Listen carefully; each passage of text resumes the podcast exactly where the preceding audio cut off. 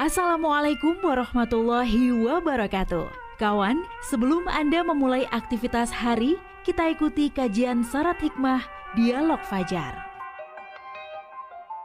Assalamualaikum warahmatullahi wabarakatuh Alhamdulillah kawan pagi hari ini Saya Fitriana Ayu kembali memandu Anda di program Dialog Fajar Tentu di studio tidak sendirian kawan Sudah hadir Ustadz Ali Muafa dari pesantren Al-Quran Nurul Falah Surabaya Assalamualaikum Ustadz Ali Waalaikumsalam warahmatullahi wabarakatuh Alhamdulillah, Alhamdulillah. mau mantap ini jawabannya ya. ini sehat lancar ya Ustaz tadi ya, perjalanan semangat, ya. Sehat, lancar semuanya. Alhamdulillah. Alhamdulillah. Insya Allah ini nanti kita akan lebih sukses lagi ya Ustaz ya. Mm-hmm. udah solid ya, solid Betul. dari rumah, kemudian ke ke Suara Surabaya. Apalagi cerita nabi-nabi gitu ya Ustaz mm-hmm. ya. Menarik mm-hmm. sekali. Uh, melanjutkan perbincangan kemarin ya Ustaz ya soal yeah. Nabi Musa itu. Yeah. Tidak melulu soal Nabi Musanya tapi sisi lainnya adalah uh, Asiyah yang mana adalah istri Fir'aun. Lebih memilih menyelamatkan Nabi Musa yang saat itu dihanyutkan di sungai begitu ya Ustadz ya. mm, mm, mm, sampai dia diselamatkan kemudian membujuk suaminya Raja Fir'aun si raja penguasa tadi lebih memilih untuk mengasuh dan membesarkan dan lain sebagainya.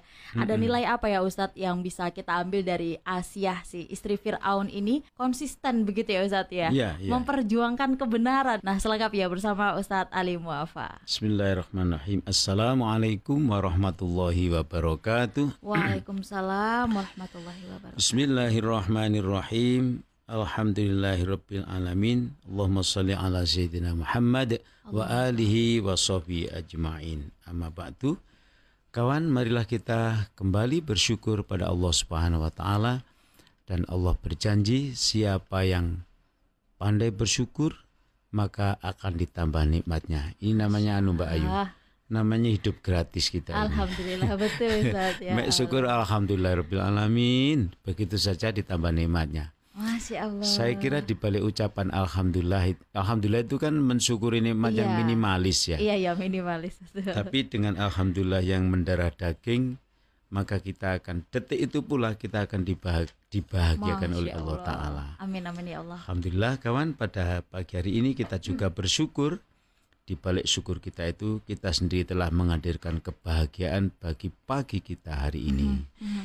Nah kawan memang berjuang itu adalah nafas dan ruh semua umat manusia. Mm -hmm Pertanyaannya adalah berjuang ke arah mana?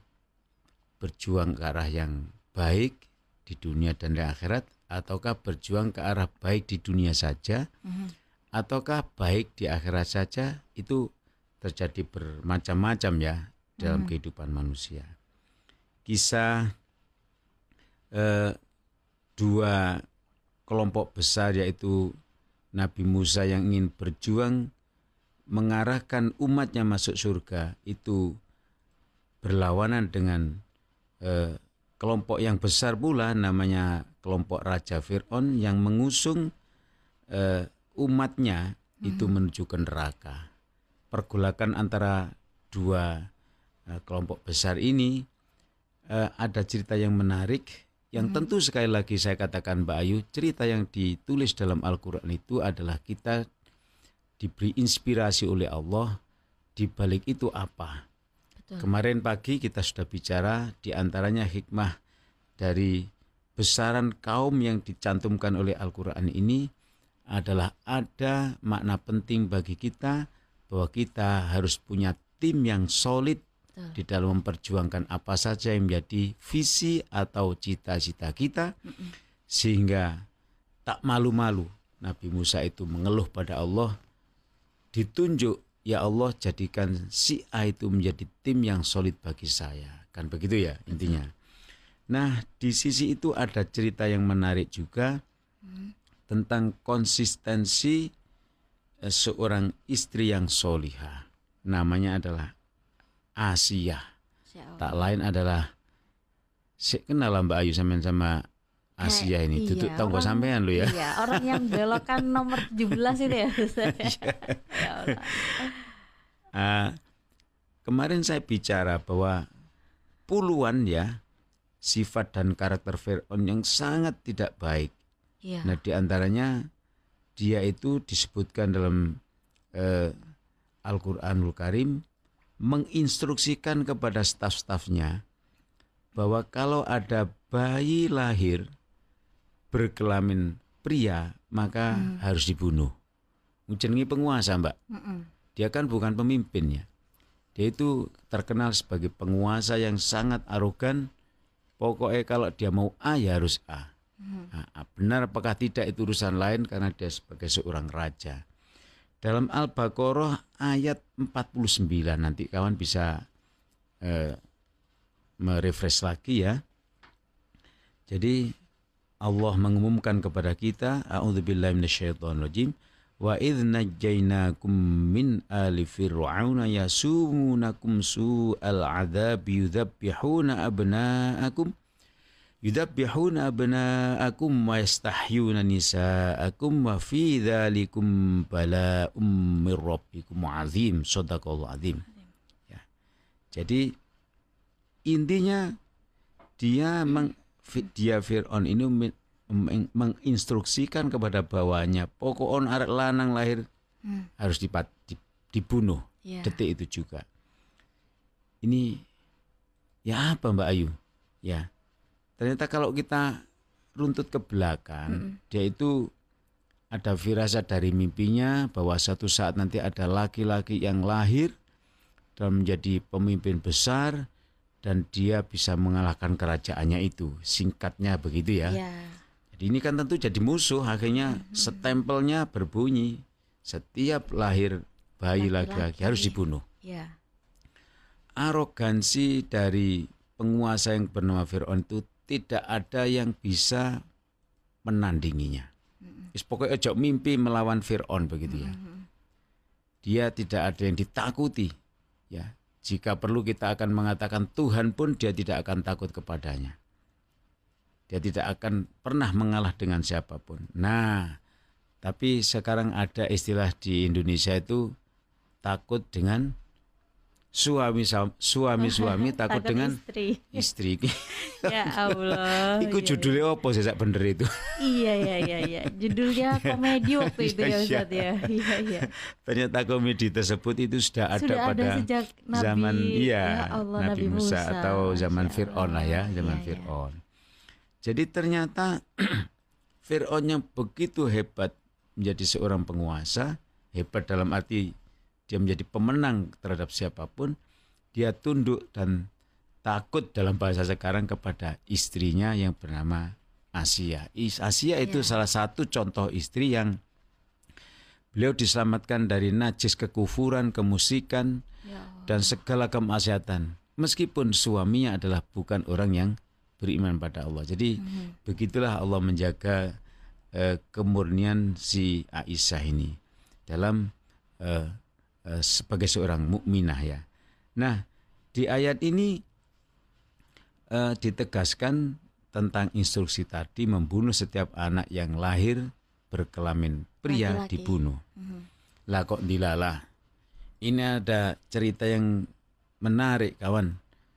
Nah, suatu saat ketika uh, Fir'aun dan istrinya ini ya duduk santai ngopi di belakang rumah. Begitu oh, bayangan saya mbak ya.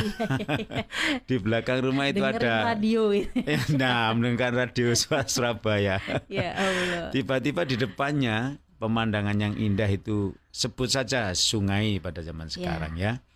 kok ada ini bahasa Jawa mbak gelinu gelinu ya. lewat di depan dua insan ini ditemukan sebuah benda yang kinyut, kintir ya, atau hanyut tadi. hanyut atau apa pun ya. istilah kita. Akhirnya dengan kekuatan uh, kemampuan dia menyuruh barang itu diambil. Setelah diambil ternyata adalah bayi yang sangat tampan begitu ya. Bagi seorang istri tentu kaget. Akhirnya diambillah bayi itu.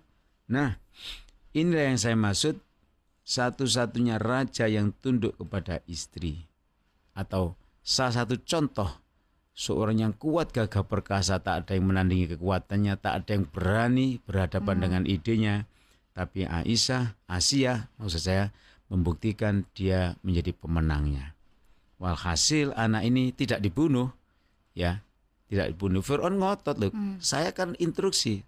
Oh tidak. Di dalam ayat ini disebutkan cerita tentang pendapat si Aisyah. Asa ayyam fa'ana au nattakhidahu walada. Wahai suamiku kita ambillah anak ini, jangan dibunuh. Mungkin ini bermanfaat bagi kita. Saya tidak tahu apakah Asia itu punya firasat yang kayak apa.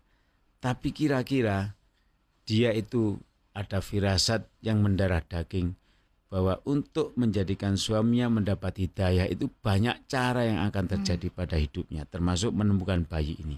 Bahkan dia mengatakan dengan beraninya, "Aunat takhidahu walada wahai suamiku." Atau jika perlu anak ini kita adop. Ya, kita legalkan, kita urus kakaknya nek zaman saya ya, hmm. jadi hmm, anggota keluarga kita resmi. Ya, kesimpulannya akhirnya anak ini dirawat oleh Asia, Asia. dan menjadi anak yang eh, baik dan kemudian tanda-tanda permusuhan antara anak ini dengan eh, Firaun itu sudah nampak, Mbak.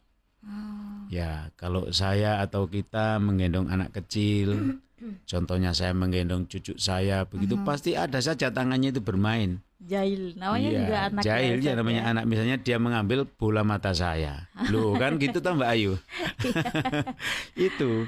Tapi ketika kita menunjukkan bahwa anak ini tidak mengerti, ada orang yang tidak rela. Enggak, ini kurang ajar anak ini.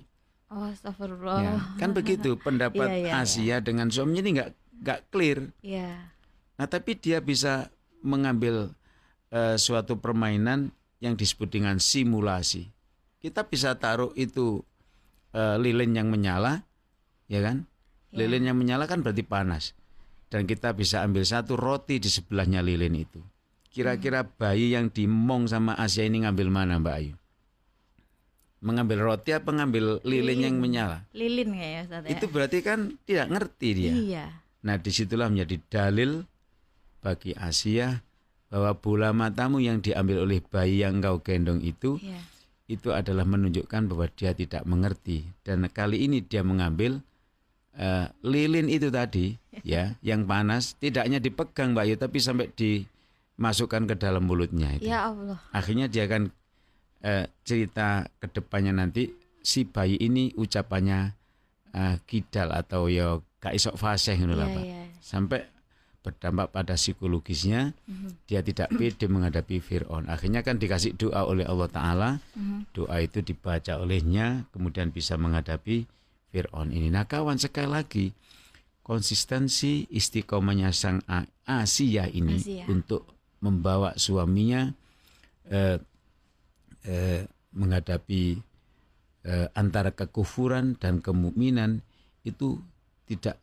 mengalahkan semangat ya siapa pun ya. Mm-hmm. Tidak kalah dengan siap semangat apa pun dan akhirnya dia menjadi pemenang.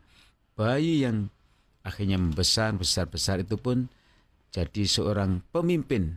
Mm-hmm. Yang pemimpin ini akan meluruskan sistem kekuasaan Fir'aun yang bapaknya sendiri. Jadi akhirnya kan begitu. Yeah. Ya.